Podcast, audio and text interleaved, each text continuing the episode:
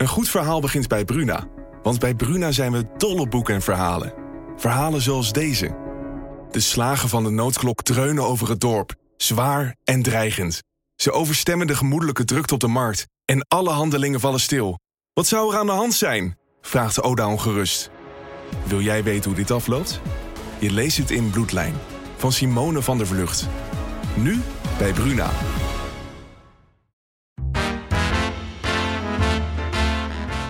Dit is Strik Privé, de dagelijkse showbiz-update met Evert Zandgoeds en Jordi Versteegde.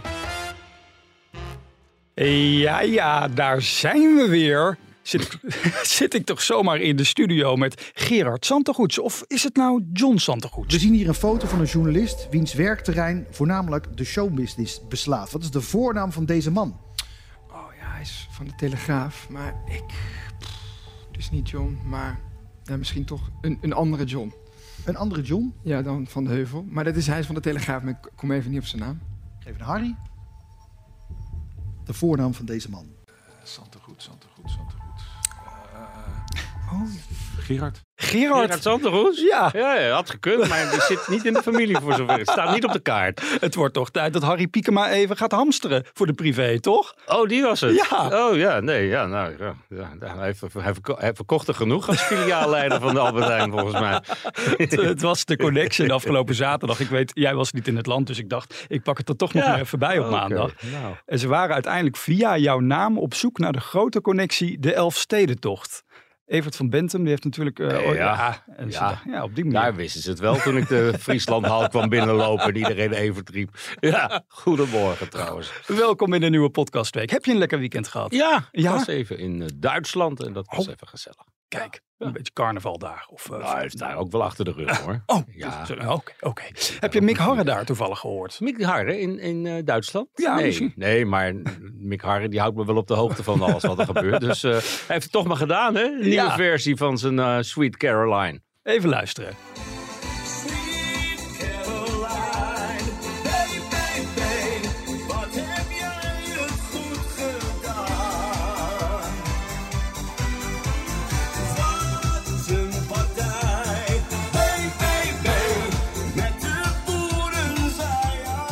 Waar zijn die handjes?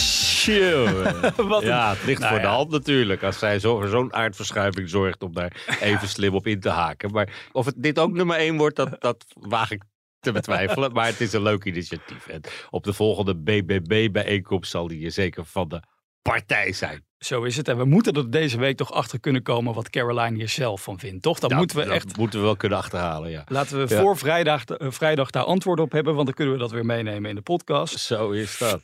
Het is eh, vandaag een trieste dag voor de familie van Piet Paulusma en ook voor veel fans van hem, want het is alweer een jaar geleden dat hij overleed. Ja, en zo onverwacht toen. Want Ja. een paar dagen eerder stond hij voor het laatst het nieuws te presenteren. En eigenlijk wist niemand dat hij ziek was. Ik vond het wel heel erg stoer toen van hem. Dat hij dat helemaal voor zichzelf gehouden heeft. En ja, ineens eh, uit de tijd was. En dat is eh, ja, een hard gelach geweest voor iedereen die, die hield van Piet Paulus. Maar dat waren nogal wat mensen. Want ja, zoals hij het weer presenteerde, dat, dat, dat, dat kon er maar één natuurlijk. En eh uitgerekend in Limburg heeft hij eh, nu een monumentje gekregen. Ja, dat is wel apart. Hij heeft er een soort van, ja, wat is het? Een sterrenwacht of zo hebben ze voor hem gema- gemaakt. Een zonnewijzer. Ja. ja, hij kwam daar altijd met zijn familie op de camping in zijn spaarzame vrije tijd. Maar zelfs dan presenteerde hij dus voor en na de barbecue gewoon het weer vanaf Piet die was er camping. altijd. Dat Ja. maakte hem ook zo uniek. Dat Ja. was echt eh, zomer en winter. Piet, Piet stond er. En eh, ja, dat was, en het, was het 32 graden. En dan was het barbecue weer volgens hem een 10. Ja, dat had ik ook nog wel.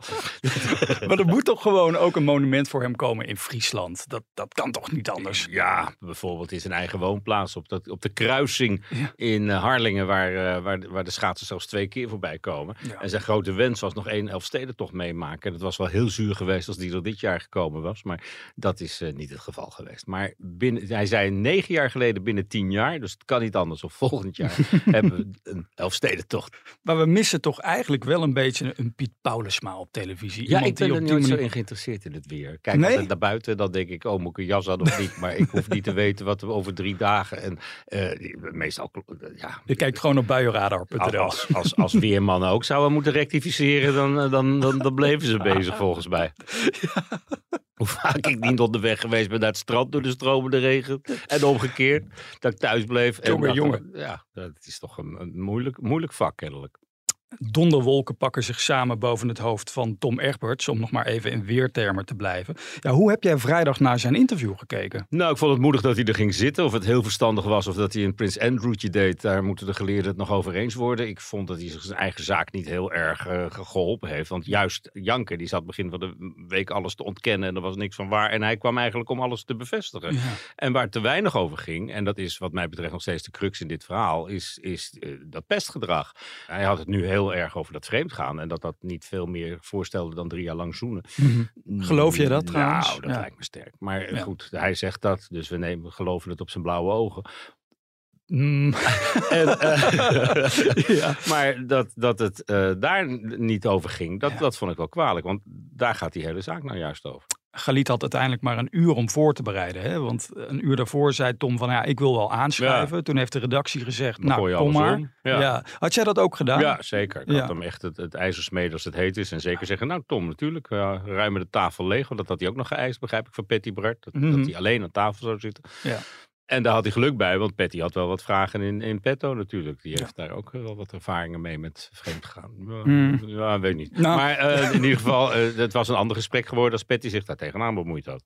Ja, we moeten wel kijken. Denk, Ongegeneerd ook. ja, ik miste ook wel een beetje Patty aan tafel. Natuurlijk, er waren een hoop vragen die nog gesteld hadden kunnen worden. Maar we moeten volgens mij ook kijken naar hoe nu verder. En hij biedt wel zijn excuses aan. Hij zegt wel, ja, ik heb het fout gedaan. Ik heb het destijds niet goed aangepakt. Ja, maar het, het- hij doet nu ook of het, of het gaat om, eh, om één zaak. Ja. En, en dat is natuurlijk niet het geval. Het is echt een patroon geweest. Het Mhm. heeft langer geduurd en to- wat ik begrijp tot voor kort geduurd.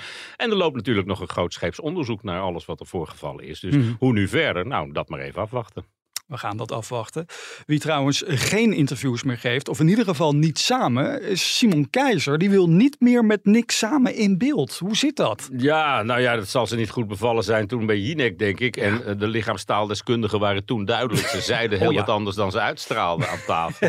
en eh, ja, wat hij gisteren ook zei, die zaal, zalen zitten vol ahoy al die avonden. Dus waarom zou je nog interviews geven? Maar ja, als je nou twintig jaar samen onderweg bent geweest, dan lijkt me dat je dat samen ook afsluit. Maar zelfs dat zit er niet meer in, wat wel wat zegt over de sfeer tussen die twee. Ja, want die is toch gewoon hartstikke verrot. Dat lijkt me wel. Ik Ja. zag ze laatst ook bij de persdag van Eva Stars. Nou, over Eva Stars hoeven we het niet te hebben, maar wel over die klik tussen die twee. Ze ontweken elkaar ook gewoon. Ja, maar ja, van we ja, hebben het destijds gebracht dat ze uit elkaar gingen als Mhm. eerste dat nieuws. En toen ging het er ook over dat ze gewoon eh, totaal niet meer door één deur kunnen. Dus Ja. ja, ja als ze door een deur kunnen, is het een draaideur.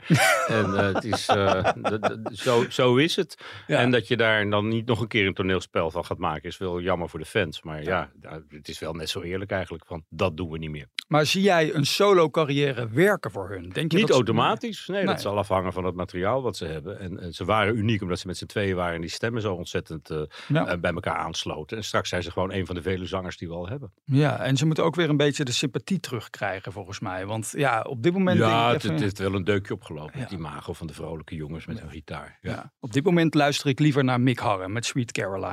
Kun je nagaan. nou, we gaan er deze week dus achter komen hopelijk wat Caroline er zelf van vindt, Caroline Ja. van der Plas. Reden genoeg om morgen weer te luisteren. Dat kan trouwens, Evert, wist je dat ook via Spotify? ja, nou, altijd via Spotify. Ja. Dus hopelijk morgen. Tot dan. Tot dan.